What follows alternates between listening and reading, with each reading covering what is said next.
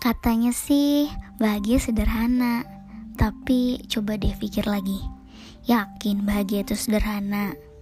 Katanya sederhana, tapi kok isi instastorynya keluhan semua?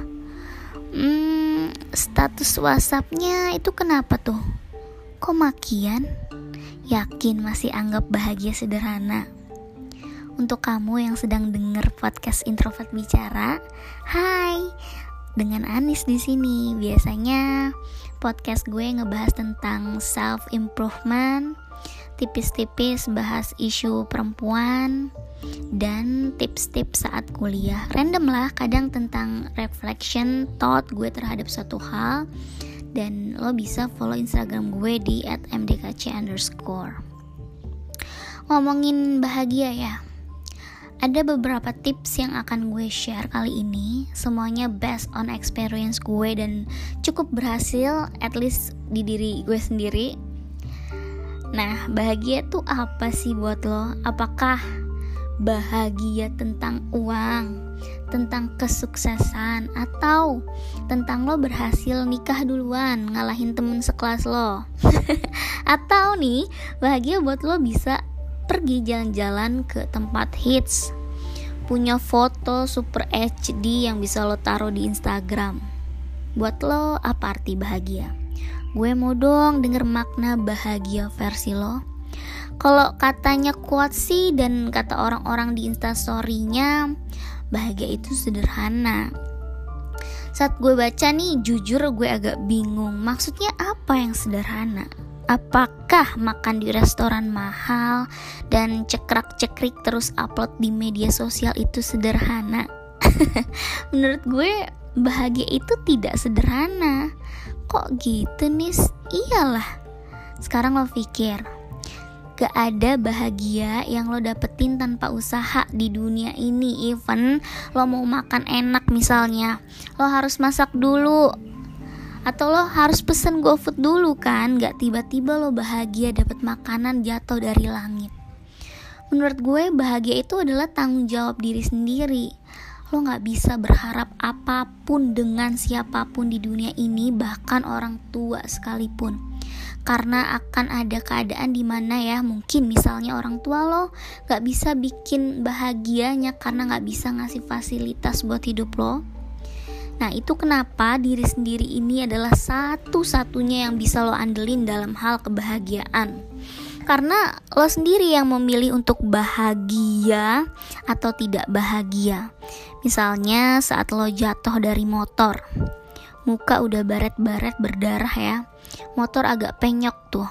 Di sini lo akan ada dua pilihan apa lo milih untuk bahagia karena setidaknya lo masih hidup dan selamat dari kejadian itu atau lo milih untuk tidak bahagia, kesel, marah karena lo jatuh dari motor. Gambarannya kayak gitu. Coba untuk sekarang yang lagi merasa ada masalah, lo tahu kan sekarang harus milih apa? Nah, biar gue semakin bahagia karena di rumah aja untuk memutus rantai COVID-19 ini, gue mau share tips bahagia versi gue. Yang pertama adalah momen now. Maksudnya apa tuh momen now? Maksudnya adalah hiduplah saat ini dan sekarang. Nikmatin, nikmatin yang sekarang lagi lo jalanin. Momen lo makan, momen lo ngobrol sama keluarga, momen lo kerja dengan laptop. Apa pun itu nikmatin yang sekarang lo jalanin. Lo hidup saat ini. Lo bukan ngambang mikirin masa depan yang belum terjadi. Yang kedua, build growth mindset. Apa tuh? Jadi pikiran itu terbagi menjadi dua, yaitu fixed mindset dan growth mindset. Fixed mindset itu contohnya adalah saat misalkan teman lo menjadi juara satu lomba nyanyi. Di sini akan keluar nih fixed mindset atau growth mindset. Kalau lo melihat itu dengan ngomong dalam hati, dia mah emang berbakat nih, apa aja bisa, nyanyi bisa, ngedance bisa. Gue emang gak bakat kalau soal gituan gak bisa gue. Nah ini adalah fixed mindset di mana otak lo udah mengecilkan diri sendiri dan stuck, tidak merubah keadaan apa pun. Tapi saat lo berpikir saat melihat kejadian teman menang lomba nyanyi dan justru dalam hati bilang, kok bisa ya dia menang? Gimana ya caranya lah? Latihan terus kali ya? Gue mau ah coba latihan supaya bisa menang kayak dia. Nah, kalau kayak gini, ini dinamakan dengan growth mindset. Otak fokus ke solusi. Nah, growth mindset ini harus lo terapin di dalam kehidupan. Dengan begitu, gue yakin lo bahagia karena merasa hidup lo akan ada harapan gitu dan ini harus dilakukan berulang-ulang kali latihan terus untuk menciptakan growth mindset yang ketiga, journaling. Ini yang sekarang mulai gue lakukan dan memberikan kebahagiaan 10 kali lipat. Pokoknya booster Journaling ini menuliskan hal-hal yang ada di pikiran lo supaya nggak overload stres otak lo. Lo bisa tulis semua yang terlintas dalam otak ke buku jurnal. Gue pribadi menuliskan schedule harian secara sistematis. Jadi selama di rumah aja gue punya pegangan untuk tahu jam segini gue harus apa ya dan sejam segini gue harus olahraga, kerja dan lain-lain. Jadi seharian itu gue tidak berpikir ke mana-mana, gue nggak berpikir ke hal yang bikin stres kayak mikirin hal-hal yang belum terjadi tulis juga nih berjurnal bersyukur. Ini ngaruh banget karena semakin lo nulis lo semakin pandai bersyukur cela. Tapi asli ya gue jadi merasa hal kecil itu berharga banget. Jadi ya gue tulis aja kayak gue bersyukur cuaca hari ini cerah gue bisa bangun tidur sehat gue makan gak kekurangan. Gue yakin dengan nulis jurnal bersyukur setiap hari di pagi hari atau di malam sebelum tidur akan membuat lo jauh lebih bijak. Yang keempat adalah olahraga. Iya, meskipun gue gak jago-jago amat dan belum konsisten 100% Tapi gue percaya bahwa olahraga itu bikin bahagia. Kenapa? Karena konon katanya olahraga ini mampu meningkatkan hormon endorfin Atau yang dikenal dengan hormon kebahagiaan dan baik untuk otak Olahraga juga dapat mengurangi hormon kortisol yang memicu stres.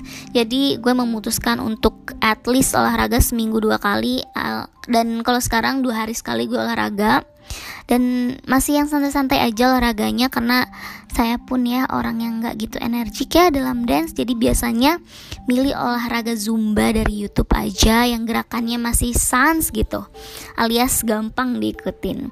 Dan sesekali yoga sih.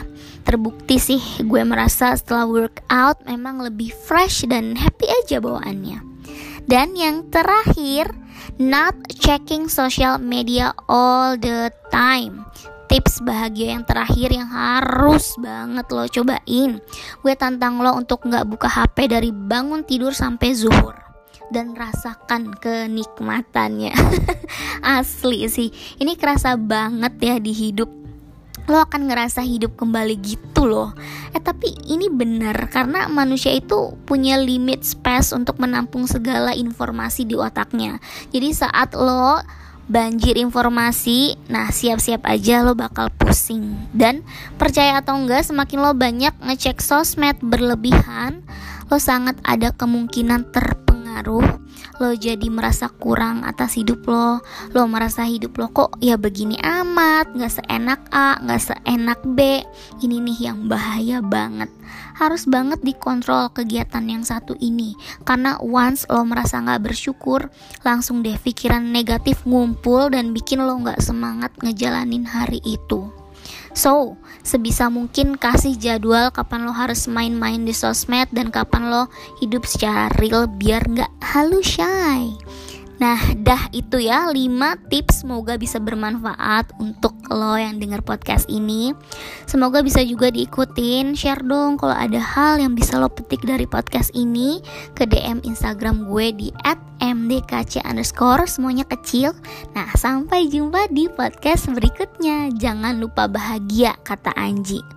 Kalau gue sih ya, jangan lupa hidup. Bye.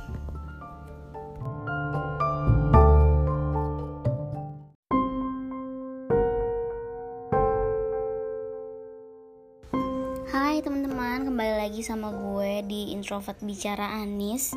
Um, gue pengen ngomongin tentang kejadian yang baru-baru ini terjadi. Seorang karyawan yang ngintip customer perempuan ini membuat gue pengen speak up karena ada juga orang-orang yang justru bilang dengan santainya makanya pakai baju yang tertutup bla bla bla bla bla.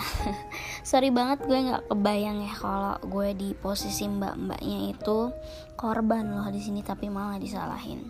Pertama, menurut gue jelas ini hal yang salah dengan ngintip ke bagian dada itu ya. Itu udah minus banget sih. Nggak ada benernya sama sekali. Beritanya di TV gue nonton sih pelakunya udah digiring polisi. Alhamdulillah. Mampus loh. Kedua soal pakaian ya. Memang benar sebagai wanita muslim kita sebaiknya menutup aurat. Tapi di dalam kasus ini nggak tepat ya kalau kita blaming perempuan ini karena berpakaian seperti itu. Karena bisa aja dia bukan um, orang Islam ya kan? Kita juga nggak bisa memaksakan orang untuk berpakaian seperti apa. Terus yang bilang makanya pakaian tertutup dong. Itu pun benar sih sebenarnya karena uh, Islam juga ngajarin kita untuk menutup aurat. Dalam hal ini kita juga sama-sama belajar untuk lebih baik lagi ke depannya berpakaian. Kita ambil positifnya aja ya. Tapi memang ada juga nih laki-laki yang agak kurang waras ya ini pengalaman pribadi gue waktu SMP ya. Jadi ceritanya gue baru pulang sekolah siang bolong. Sekitar jam 12 ke jam satuan deh ya. Masih pakai seragam putih biru tuh ya. Gue jalan kaki dan jalan pun bareng sama temen gue saat itu. Pengen arah pulang dari turun angkot mau ke rumah.